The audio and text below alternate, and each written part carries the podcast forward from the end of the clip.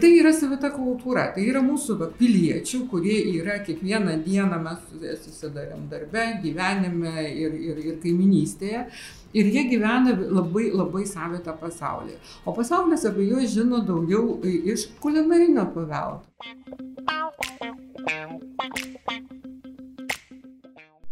Sveiki, čia ir vėl Talking Diplomacy. Šiame tinklaudės epizode kviečiame pasiklausyti pokalbio su istorikė, profesorė Tamara Bairašauskaitė ir Lietuvos totorių bendruomenių sąjungos pirmininko pavaduotojų Motiejumi Jakubausku. Šiame pokalbyje kalbamės apie Lietuvos totorių ilgamžę istoriją ir jų šiandieninį gyvenimą.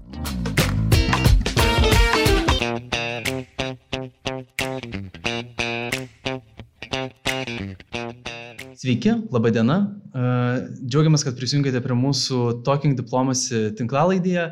Šiandieną kalbėsime labai įdomią temą apie Lietuvos totorius, apie jų istoriją, ilgą amžius trunkančią su dviem puikiais pašnekovais. Ir Labai džiaugiamės, kad juos šiandieną turime. Mano vardas Mykolas. Ir mano vardas Gabrielė. Tai pirmiausia, norėtume pokalbį pradėti nuo klausimo abiem pašnekovam. Gal galėtumėte trumpai prisistatyti mūsų klausytojams ir papasakoti apie save? Sveiki, aš esu Tamara Bairišauskaitė, esu istorikė, kuri domisi ne tik tai totorių istorija, aš pirmiausia esu socialinė istorikė, dirbu Vilniaus universitete, Lietuvos istorijos institute. Bet Lietuvos totorių istorija yra viena iš tų temų, kurios mane domina, galiu pasakyti, netgi nuo studijų laikų, nes pirmą savo pranešimą apie Lietuvos totorius aš padariau labai seniai. Labadiena. Esu e, Motiejus Jakubauskas, Lietuvos totorių bendruomenių sąjungos pirmininko pavaduotojas, Vytauto didžiojo paminklo pastatymo fondo pirmininkas. Aktyviai dalyvauju totorių veikloje ir visame kitame. Labai ačiū Jums ir turbūt pradėsime kalbėtis kaip visą laiką nuo pradžių ir iš tikrųjų nuo tos bendruomenės starto Lietuvoje, nuo ko viskas prasidėjo ir kur prasidėjo ir kaip prasidėjo. O taip, tai yra pats sunkiausias klausimas, tiesą sakant, iš Lietuvos, Lietuvos totorių istorijoje, vien todėl, kad yra labai, e, e, beveik nėra šaltinių, kurie galėtų papasakoti mums, kaip iš tikrųjų totorija atsirado Lietuvoje. Ir mes vedame šitą pradžią, e, e, bent jau tradiciškai, nuo Jono Dlugošo kronikos, kurį jis parašė ir visi tą puikiai žino, kad Vytautas atsivedė totorius į Lietuvą, žygiuodamas kartu su Hanu Tohtamišu į, į Dono ir Dnepro stepes ir, ir pasiekė Krymą ir atsivedė belaisvius su vežimais, moterimis visais rakandais, kupra, netgi kažkur skaičiau, kad netgi su kupranugariais, nežinau, iš kur jie atsirado. Dugošas apie tai tikrai nerašė, bet, bet kažkur slysteli tokie momentai. Tiek, kiek parašė Dugošas, kažkiek tiesos yra.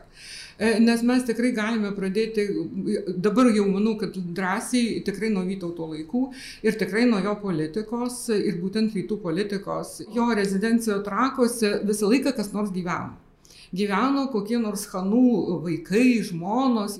Ir Vytauto politika iš tikrųjų buvo ir remti pretendentus, kurių buvo visai nemažai, bet jis kažkodėl pasirenka Tohtamaišą. Ir, ir su juo kartu 1397 metais jisai surengė vieną žygį į tas stepes. Ir tai yra labai įdomus momentas. Tohtamišas e, e, šituo laikotarpiu praktiškai užrašo jam, nes jos žemės, kurios priklausė vienaip ar kitaip aukso ordai, jisai užrašo Jarliką ir užrašo Lietuvos didžiai kunigaikštystiai visai nemenka teritorija. Su miestais, su stepėmis, su, su visais kitais dalykais.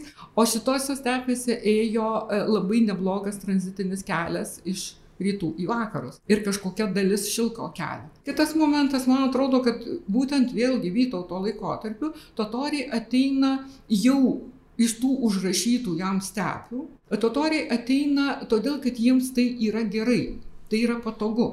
Jie gauna naują valdovą, kuris gali juos priglausti, gauna iš jo žemės, jie gali jam pasitarnauti iš tikrųjų Ir dar kitas momentas, stepėse šitų laikotarpių yra e, labai ne, ne, ne, nepalanki situacija totoriams, iš tikrųjų, net totoriams ir kitoms klajojančioms gentims, ordoms, lūsams, be jokios abejonės, nes ten prasideda, na, ne tiek prasideda, kiek paaštrėja maro epidemija ir dar prasideda badas.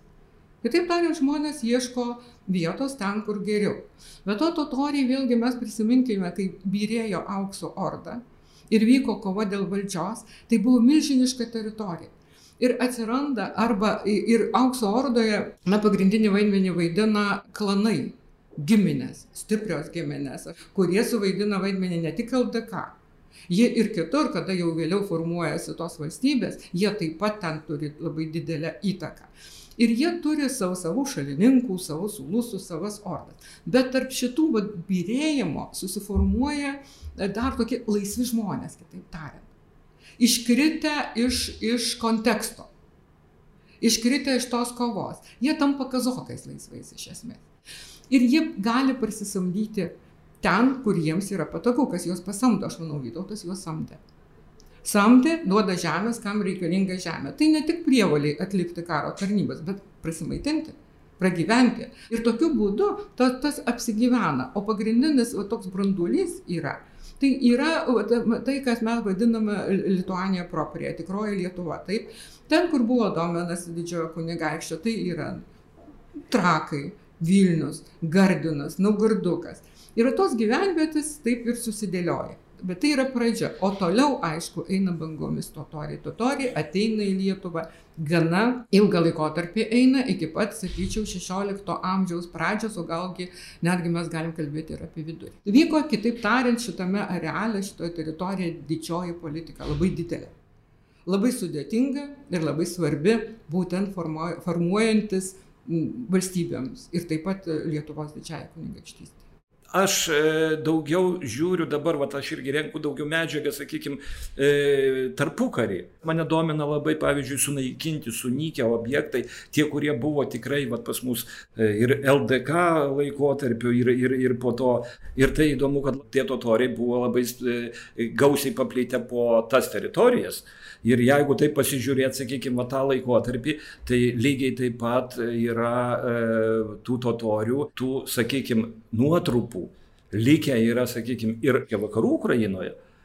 E, tai e, šiai dienai yra tokie, sakykime, kaip saldainiukai, pavyzdžiui, kad kada paėmė atrandi e, kažkokias tai kapinės, kuriuose mes galim pamatyti kapinėse, įsivaizduokim dabar, reiškia, su totoriškais užrašais, su musulmoniškais užrašais, ir šalia yra su, sakykime, krikščioniškais. Tuose pačiuose kapinėse. Ir jeigu mes pasižiūrėsim netgi pačioj dabar, dabartiniai, sakykime, mūsų valstybėje Lietuvoje, kai šedoris pačius, tai e, įdomiausias e, dalykas tame man asmeniškai, kai e, kažkas tai pradeda kalbėti, kad kai šedoris tenai nuo kašių, nuo kažko tai išėję, bet vis dėlto tai asmenvardis, tai yra, kaip nenorim, tai nuo Haišadaro nuo, nuo, nuo, reiškia, nuo, nuo dvarininko, kuris turėjęs dvarą Kaišėdoryse ir nuo jo išėjus, kaip sako, ir įsiplėtusi e, miest, į tą į Kaišėdorių miestą. Bet kas dar įdomiausia, kad tai e, kapinės, kurios dabar šiai dienai yra Kaišėdoryse, tai jos prasidėjo nuo totorių kapinių. Ten pirmieji palaidojimai buvo totorių ir po to aplinkui, sakykime, plėtėsi ir, ir, ir dabar krikščioniškosios kapinės, nors istoriniuose šaltiniuose tai būtent ten totorių buvo. O pačio Haišadaro kapas yra atsidūręs, reiškia, po tvenkiniais. Kada sovietmečių buvo daromi tvenkiniai ta žuvų ir, ir taip pat e, liko, liko tų tvenkinių dugne. Tai vat mes turim tokius, tokius įdomius dalykus ir ekspedicijas padarom ir visa kita, vat būtent tuo vat klausimu. Ir, ir kada pasižiūrės teritoriją tą plačią, kur jie gyveno, Šiai dienai mes galim tik tai vieną dalyką pas, pasidžiaugti, pavyzdžiui, tokiu, atei, atvažiuoja į kažkokią tai teritoriją, pradedi kalbėti taip, bruožai yra išlikę, pavardės yra, paklausai, sako, mes, mes lietuviai, mes dar kažkas, tai, nu, taip, kada pradedi kalbėti toliau, kaip sako, ai, nu tai pas mus giminiai buvo. Buvo tas, buvo tas, buvo anas, buvo kitas. Va tas ir gaunas ir tų totorių, praktiškai kada pasižiūri, vos ne kiekvienoje giminėje surandi kažką tai. Tai e, čia, nu, man turbūt gražiausias tas va toks epizodas būna, kada surandi kažką tai kažkur tai. Nu tai jeigu biržiškos turėjo močiutę totorę, nu tai ką čia kalbėti? Ir, ir daug tokių, labai tokių dalykų, sakykime, ir tą patį, jeigu mes jau taip žiūrėtumėm, e, labai daug e, totorių gyveno e, tokiuose, vat, kaip dabartiniuose, sakykime, rajonuose, tai Kaišėdorių rajonas, taip pat Marijampolės, Vilkaviškio, ten pagrindiniai dvarai buvo Lietuvos, sakykime, totorių pagrindiniai dvarai buvo būtent tuose teritorijose.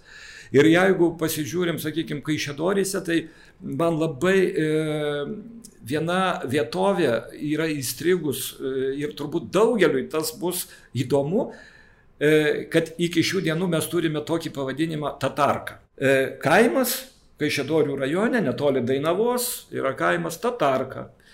Važiuojame ekspediciją, pasižiūrėti ekspediciją, kaip sako, padarėm, kad sakom, nu kurgi ta tatarka kas ten yra, kaip sako, toj tatarkoje.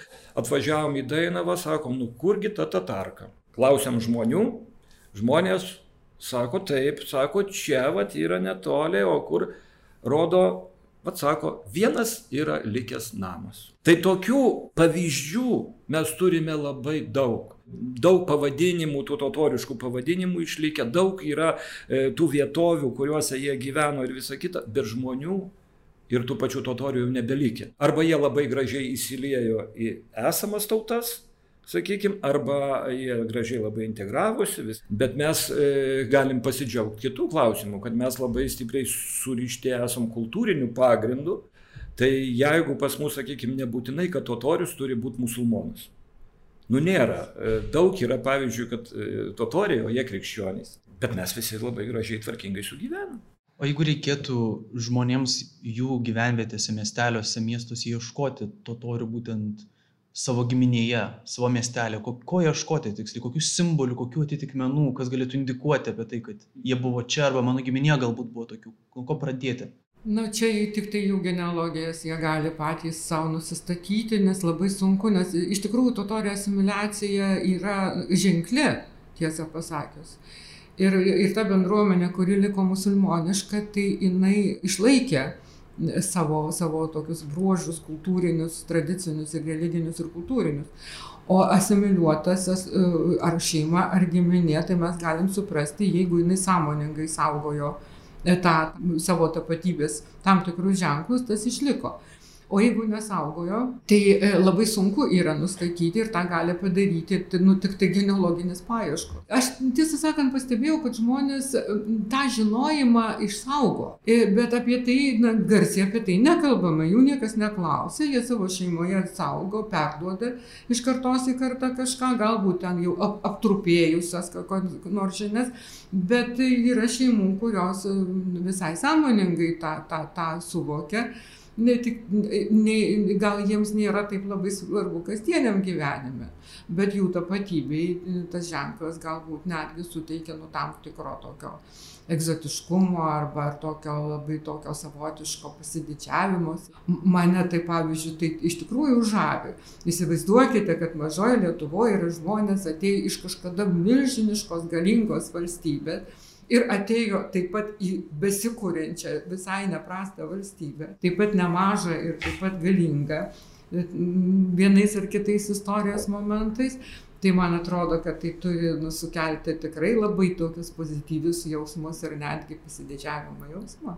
Aš e, dar ir papildysiu, ponė Tamara. Jeigu kas kažkaip tai norėtų tų žinių ieškoti apie savo kilmę, tai tokiu atveju aš vis dėlto sakyčiau atkreipti dėmesį į tokias pavardės kaip Vilčinskai, Kanarskai, Makaveckai, Haleckai, e, Aleksandrovičiai, Jakubauskai ir, ir daugelį kitų tokių pavardžių, kurios tikrai yra, e, nu, abejonių sukeltų. O šiandieną aš Tamarai vieną užsiminiau labai gražų irgi atvejį, kai pasakė, kad sako, reiškia, mūsų giminiai 40 totorių e, kaimo, reiškia, įmamo palikuonys. Tai čia yra toks džiaugsmas, suprantat, kada išgirsti tokius dalykus, kada žmonės pradeda e, pripažinti tos dalykus. Tai jeigu mes pasižiūrėsim tą tarpukarį, mes Lietuvoje turėjom, reiškia, vos e, nu, iki tūkstančio totorių pačioje Lietuvoje ir turėjome mes tris, e, reiškia, veikiančias mečetės. Tai buvo e, raižiai, tai pagrindinė, sakykime, pagrindinis toks, toks žydinys e, totorių, e, toliau buvo, reiškia, Kaune, kurią, kurią 30-1930 metais su valstybės rėmimu buvo pastatyta ir, ir, ir, ir, ir padovanota totoriams. E, va, e, ir taip pat turėjome, reiškia, Vinkšnupiuose, dabartiniam Vilkaviškio rajone. Tragiškas dalykas, kuris buvo įvykęs Vinkšnupiuose, tai 44 metais, e, reiškia, traukiantis vokiečiams, užeinant sovietams, va, vokiečiai mečetę panaudojo apkasų įtvirtinimams. Ir nuo to laiko tarpio praktiškai bendruomenė ir išnyko. Liko, e, šiai dienai mes turime tenai kapines, aišku, dėkingi vietiniai tenai, sakykime, savivaldybei, seniūnijai, kad tos kapinės tikrai yra prižiūrimos, visa kita, viskas lankomos tenai, atvažiuoja ekskursijos. Šalia turim e, totorišką dvarą, mečetės neturim.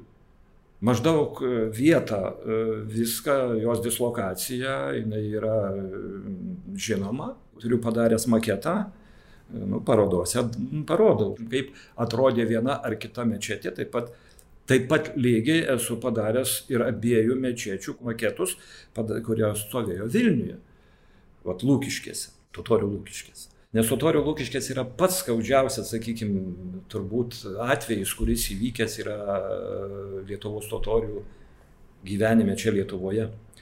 E, vis dėlto čia buvo totorių, sakykime, tas priemiestis, totorių e, gyvenamoji vieta, kuri buvo susikaupus gana plačiai e, Lūkiškėse.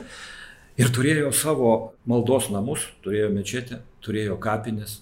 Ir ne vienas, ši dviejas kapinės buvo, kada buvo statomas kalėjimas, vienos buvo prijungtos be jokių skrupulų ir, ir, ir, ir atsidūrė po kalėjimo teritoriją. E, kitos kapinės, kurios buvo e, priimtas, aišku, sprendimas buvo 1962 metais e, dėl, reiškia, uždarimo šitą kapinių ir mečetės pagrindu tuo, kad nėra čia tikinčiųjų, Ir, ir taip buvo, reiškia, 62 metų sprendimas vykdomojo komiteto uždaryti. 68 buvo nugriauta mečetė, buvo sunaikintos kapinės ir vietoje tų kapinių atsirado iki šių dienų stovintis, reiškia, mokslo akademijos fizikos institutas. Vienas fleigelistas, kuris yra, reiškia, kiemo pusėje, jisai kaip sik stovi mečetės vietoje. Šiai dienai tikrai baisiausias dalykas, kad ten yra išlikę mūsų žiniomis, yra išlikę palaidojimai gana nemažai ten turėtų būti palaidojimų. Yra liudininkų parodymai šitoje vietoje. Yra žmonės, kurie dirbo tuo metu e, šalia esančiame pastate, Goštauto gatvėje, ir jie puikiai matė, sakykime, tą visą e, vaizdą, kaip tas viskas vyko. Yra e, nuotraukų išlikusius. Ir dar mečetė pusiau tokia pagriauta ir, ir, ir kapinės ten. Tai visa laimė ir ačiū tiem žmonėms, kad išliko, sakykime, tas fiks, užfiksuoti tie vat, e, įvykiai. Aš manau labai gražiai irgi pradėt kalbėti, kad, na, tu kartais tos vietovės mes net nes, nesusimastom tie patys Kaišėdoris, kurie atrodo keistas pavadinimas, bet atrodo jau lietuviškiau negali būti. O iš tiesų kokia yra istorija. Ir tas dar labai įdomu, ką jau pradėjot kalbėti apie asimiliaciją, apie bendruomenės prisitaikymą.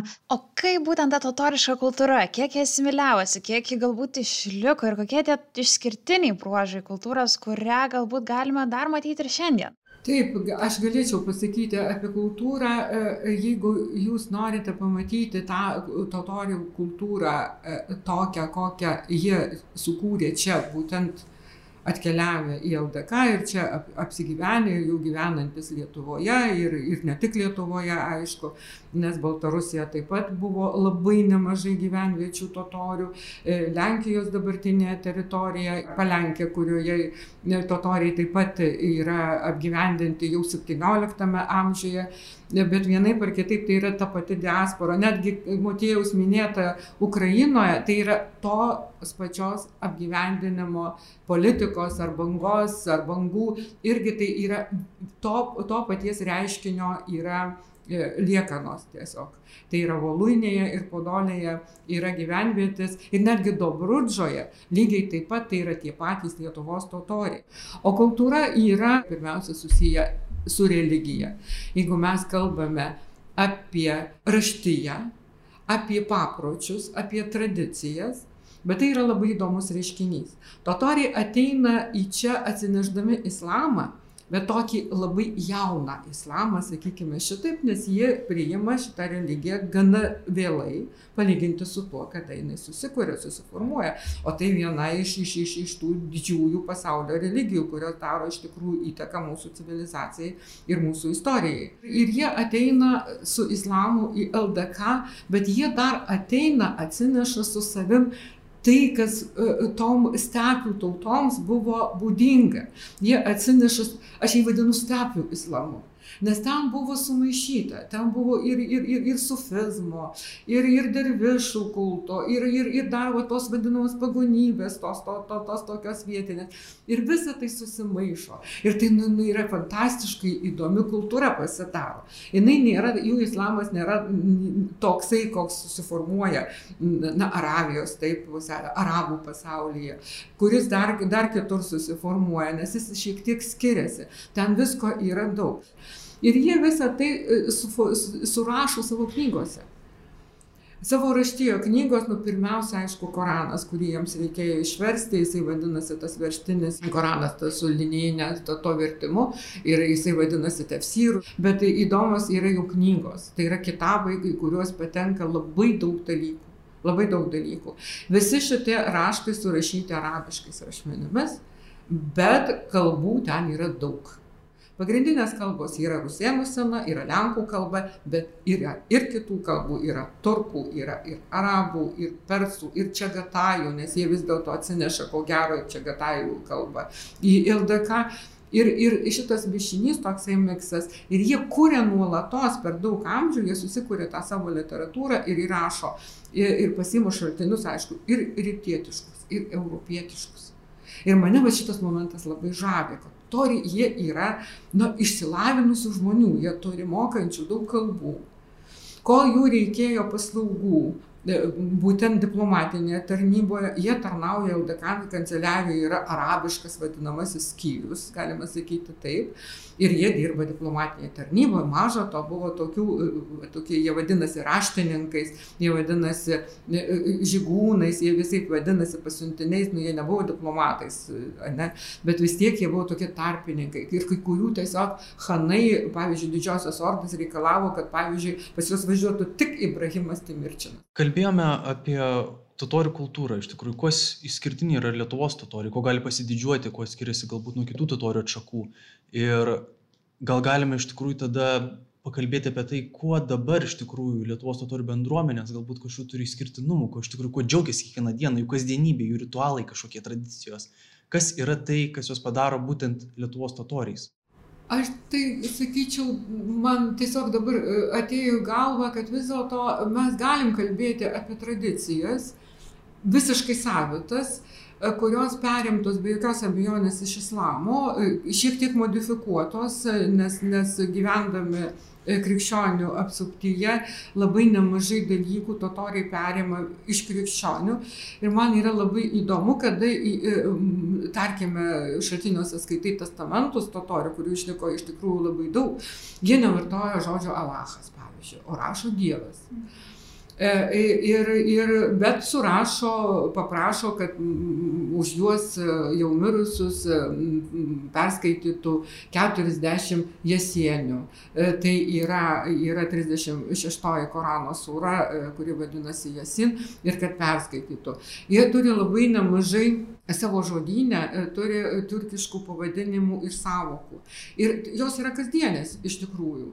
Nes jie, pavyzdžiui, nevadina kapinių kapinėmis. Tai yra mizaras. Bet tai mažas pavyzdys. Religinė bendruomenė yra džemiatas. Šitos liekanos, jos kultūroje egzistuoja. Lygiai taip pat egzistuoja ir papročiai.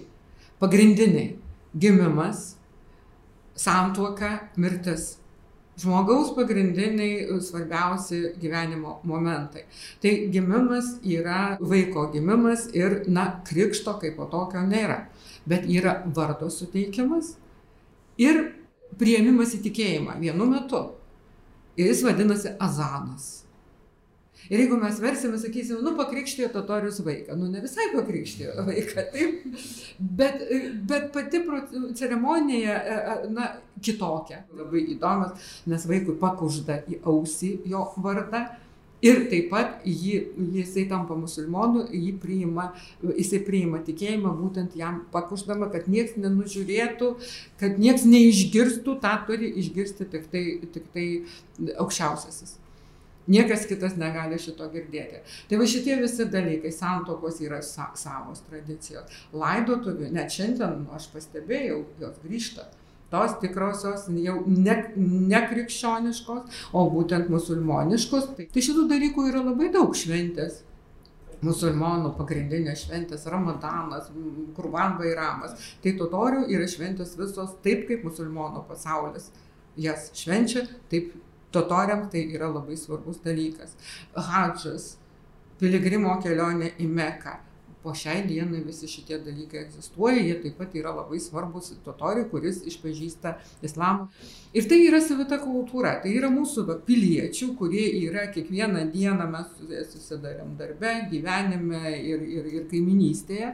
Ir jie gyvena labai, labai savitą pasaulį. O pasaulis apie juos žino daugiau iš kulinarinio paveldo kuris yra turiningas, tai yra ne tik šimtalapis, jis iš tikrųjų yra labai didelis ir labai geras, labai skanus, turėčiau pasakyti. Atsineštas iš tepių, nes pagrindiniai komponentai tai yra kas tašla ir mėsa. Tai yra turkiški, tur, turkiški patiekalai, bet tori vėlgi modifikavo daugybę dalykų ir, na, jų, jų aišku, tas paveldas kulinarinis yra, yra labai įdomus ir labai geras.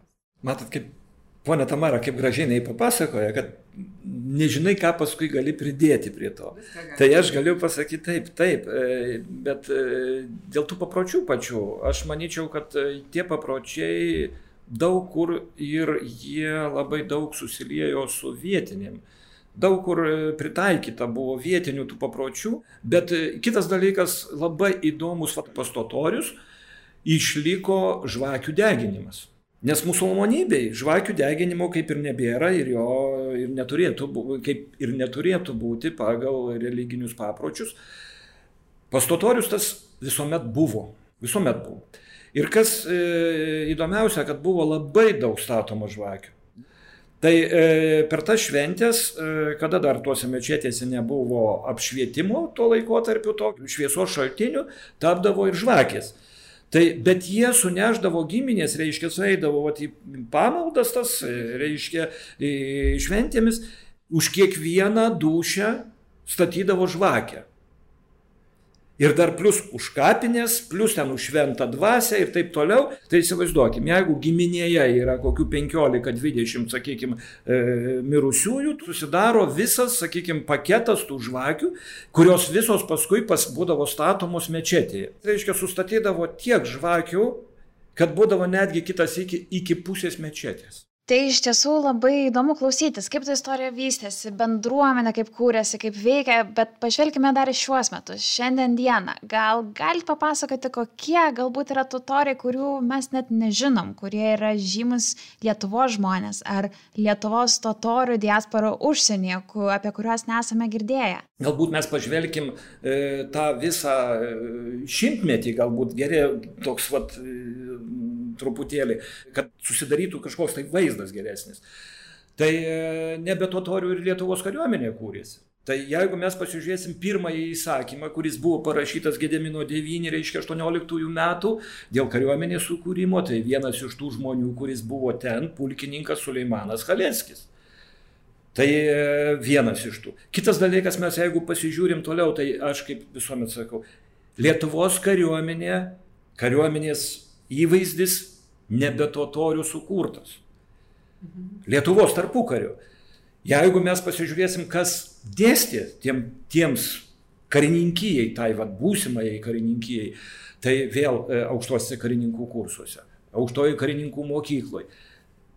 Tai dėstė pas mus broliai Kalinos, du, e, Bazarevskis, e, Juzefas Bazarevskis, pulkininkas, visi pulkininkai, Haleckis, Tai galėtum kalbėti ir apie gana garsius žmonės, Taip. kurie yra į totorio kilmės ir vat, iš Vikšnupių šitos giminės, taigi tas... E, tai mes dar toliau galim eiti, vat, Tuhan Baranovskis, tas Mikhailas vadinamas, kuris ekonomistas garsus labai, jau tai yra na, 19-20 amžiaus pradžia, jie tam daug yra dalykų, kuriuos kuriuos galima pasakoti būtent apie totorius, kurie nu kažkokį pėdsaką yra palikę tokiuose rimtuose dalykuose ir, ir, ir žinomi pasaulyje, tiesą pasakius.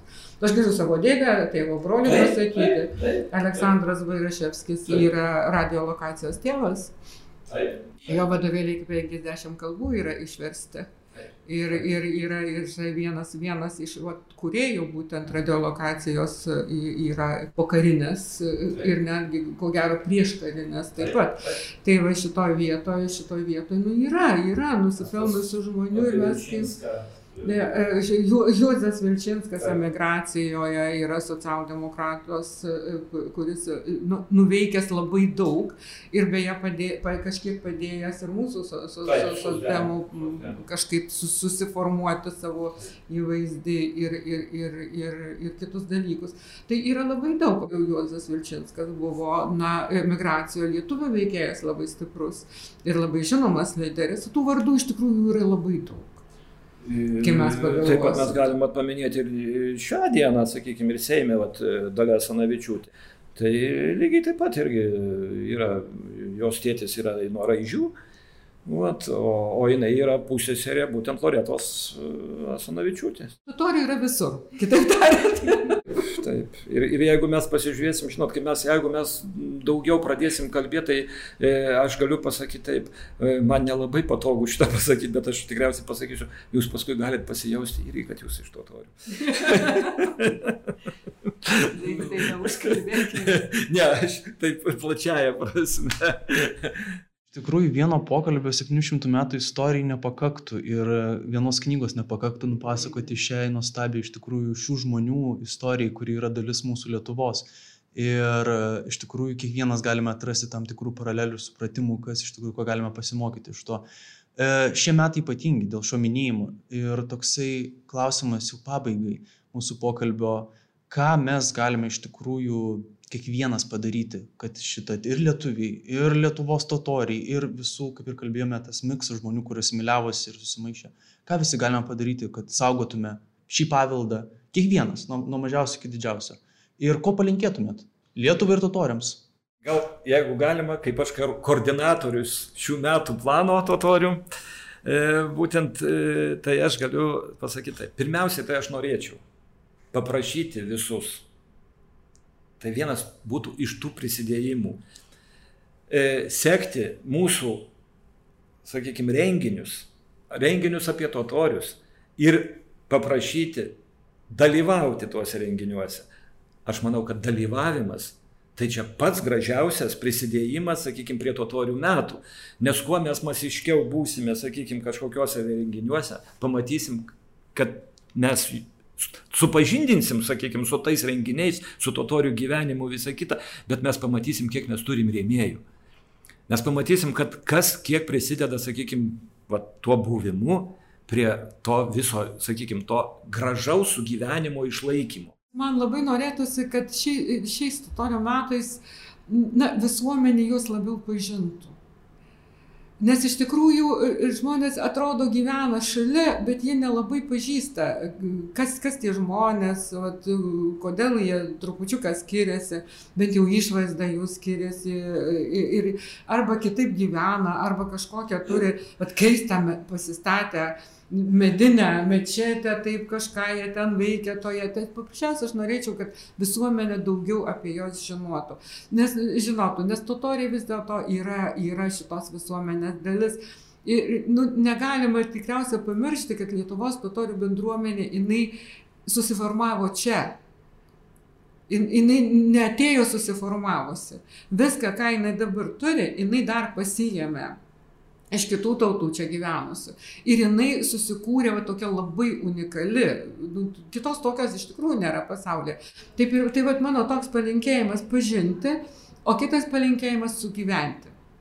Sugyventi visiems gražiai ir domėtis vieni kitais, nes visi yra be galo įdomus. Ką, ką be paliestų, visi yra labai įdomus. Ta mūsų civilizacija iš tikrųjų nu tokia įvairi, tokia mozaika, toks kaleidoskopas. Ir jeigu mes pažinsim va, šituos dalykus, mes, mes patys turtingesnė būsime, iš tikrųjų. Ir dar truputėlį, kaip sako, norėčiau papildyti šitoje vietoje. Būtų labai gražu, kad kažkaip tai mes galėtum E, atskirti, kas yra totorius ir kas yra Lietuvos totorius. Nes totorius yra plačiaja ta prasme, sakykime, yra visi, bet mes Lietuvos totoriai, tie, kurie mes čia 700 metų.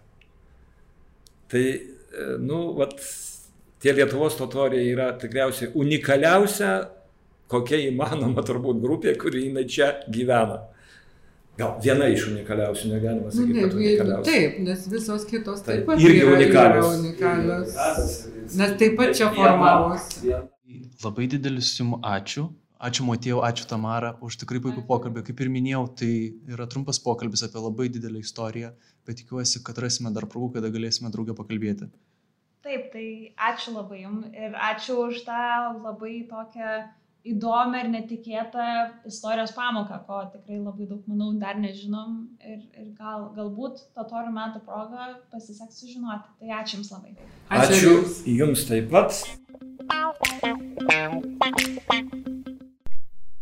Su Jumis buvo Talking Diplomacy. Ačiū, kad klausėte.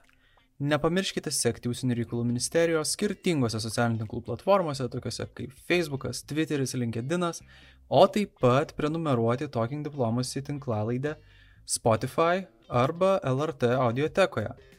Iki kito karto.